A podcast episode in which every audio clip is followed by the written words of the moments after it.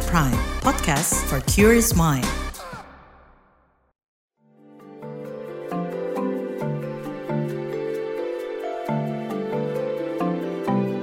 Saga, cerita tentang nama, peristiwa, dan fakta.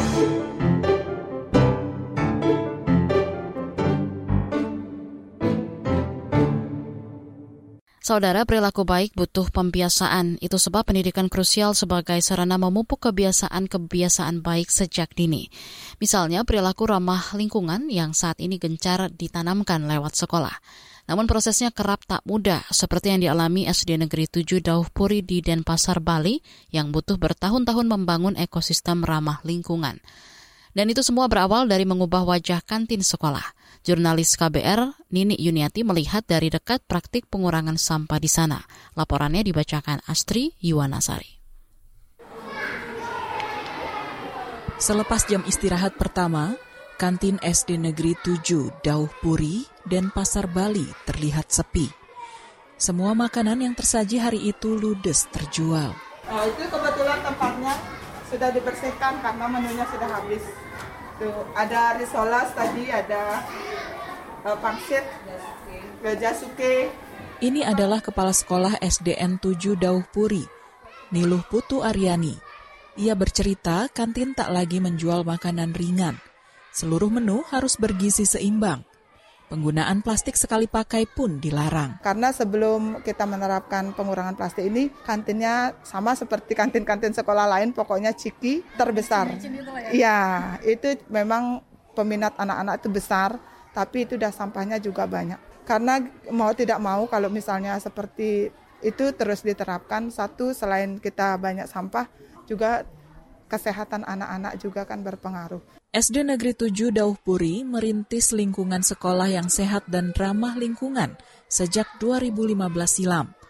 Mereka mendapat pendampingan dari Pusat Pendidikan Lingkungan Hidup PPLH Bali. Karena berawal dari sekolah kami adalah banjir, karena kondisinya kita lebih rendah daripada yang di depan. Terus penghasilan sampah organiknya juga tinggi.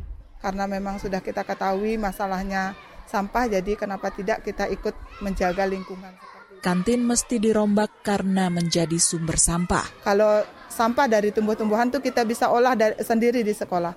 Tapi kalau kantin uh, yang plastik-plastik itu memang kita tidak bisa olah. Oh berarti sumber sampah terbesar di sekolah. Jadinya kita uh, lakukan perubahan pertama itu memang di kantin dan di anak-anak. Prosesnya tak mudah.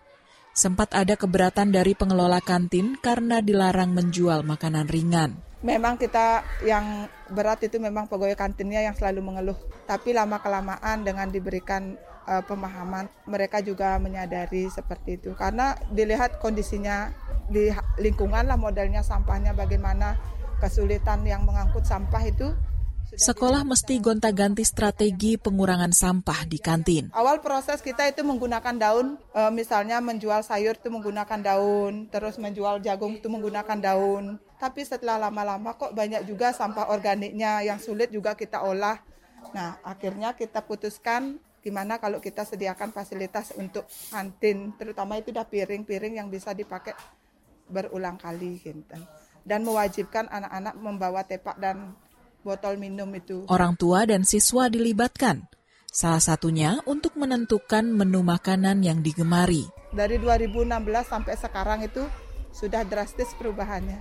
Anak-anak biasanya itu tidak suka sayur. Kalau sekarang dikasih pelecing kangkung, dikasih capcay itu, sayur selada, hampir semuanya suka. Kantin kita setiap hari itu menunya beda-beda. Misalnya makanan yang berat itu kayak geprek, maksudnya makanan yang tren tapi kita kemas supaya anak-anak itu berminat. Guna mengoptimalkan edukasi dan praktik ramah lingkungan, kader kantin dibentuk pada Juli 2022. Mereka terdiri dari tujuh murid kelas 5 yang bergantian menjaga kantin. Salah satunya Cahaya Kirana. Dari jam istirahat sampai selesai istirahat, jaga kantin, harinya juga beda. Jadi kader pangan? Gara-gara mungkin seru jaganya pengen senang jualan. Pengalaman apa yang menarik ya? Kamu apa aja? Pengalaman menarik ya.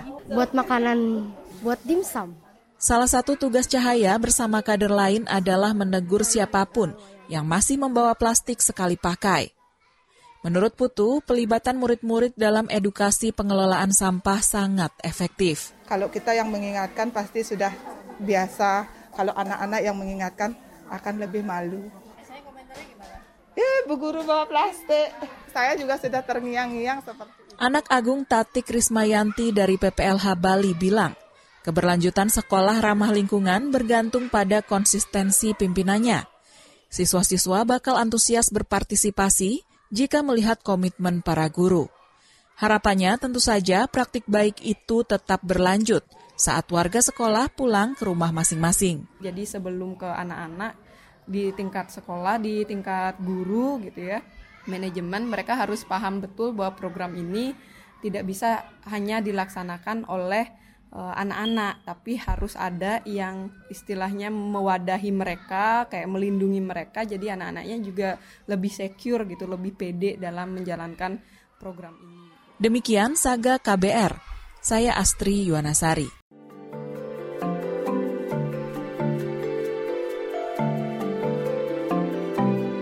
Saga, cerita tentang nama, peristiwa, dan fakta.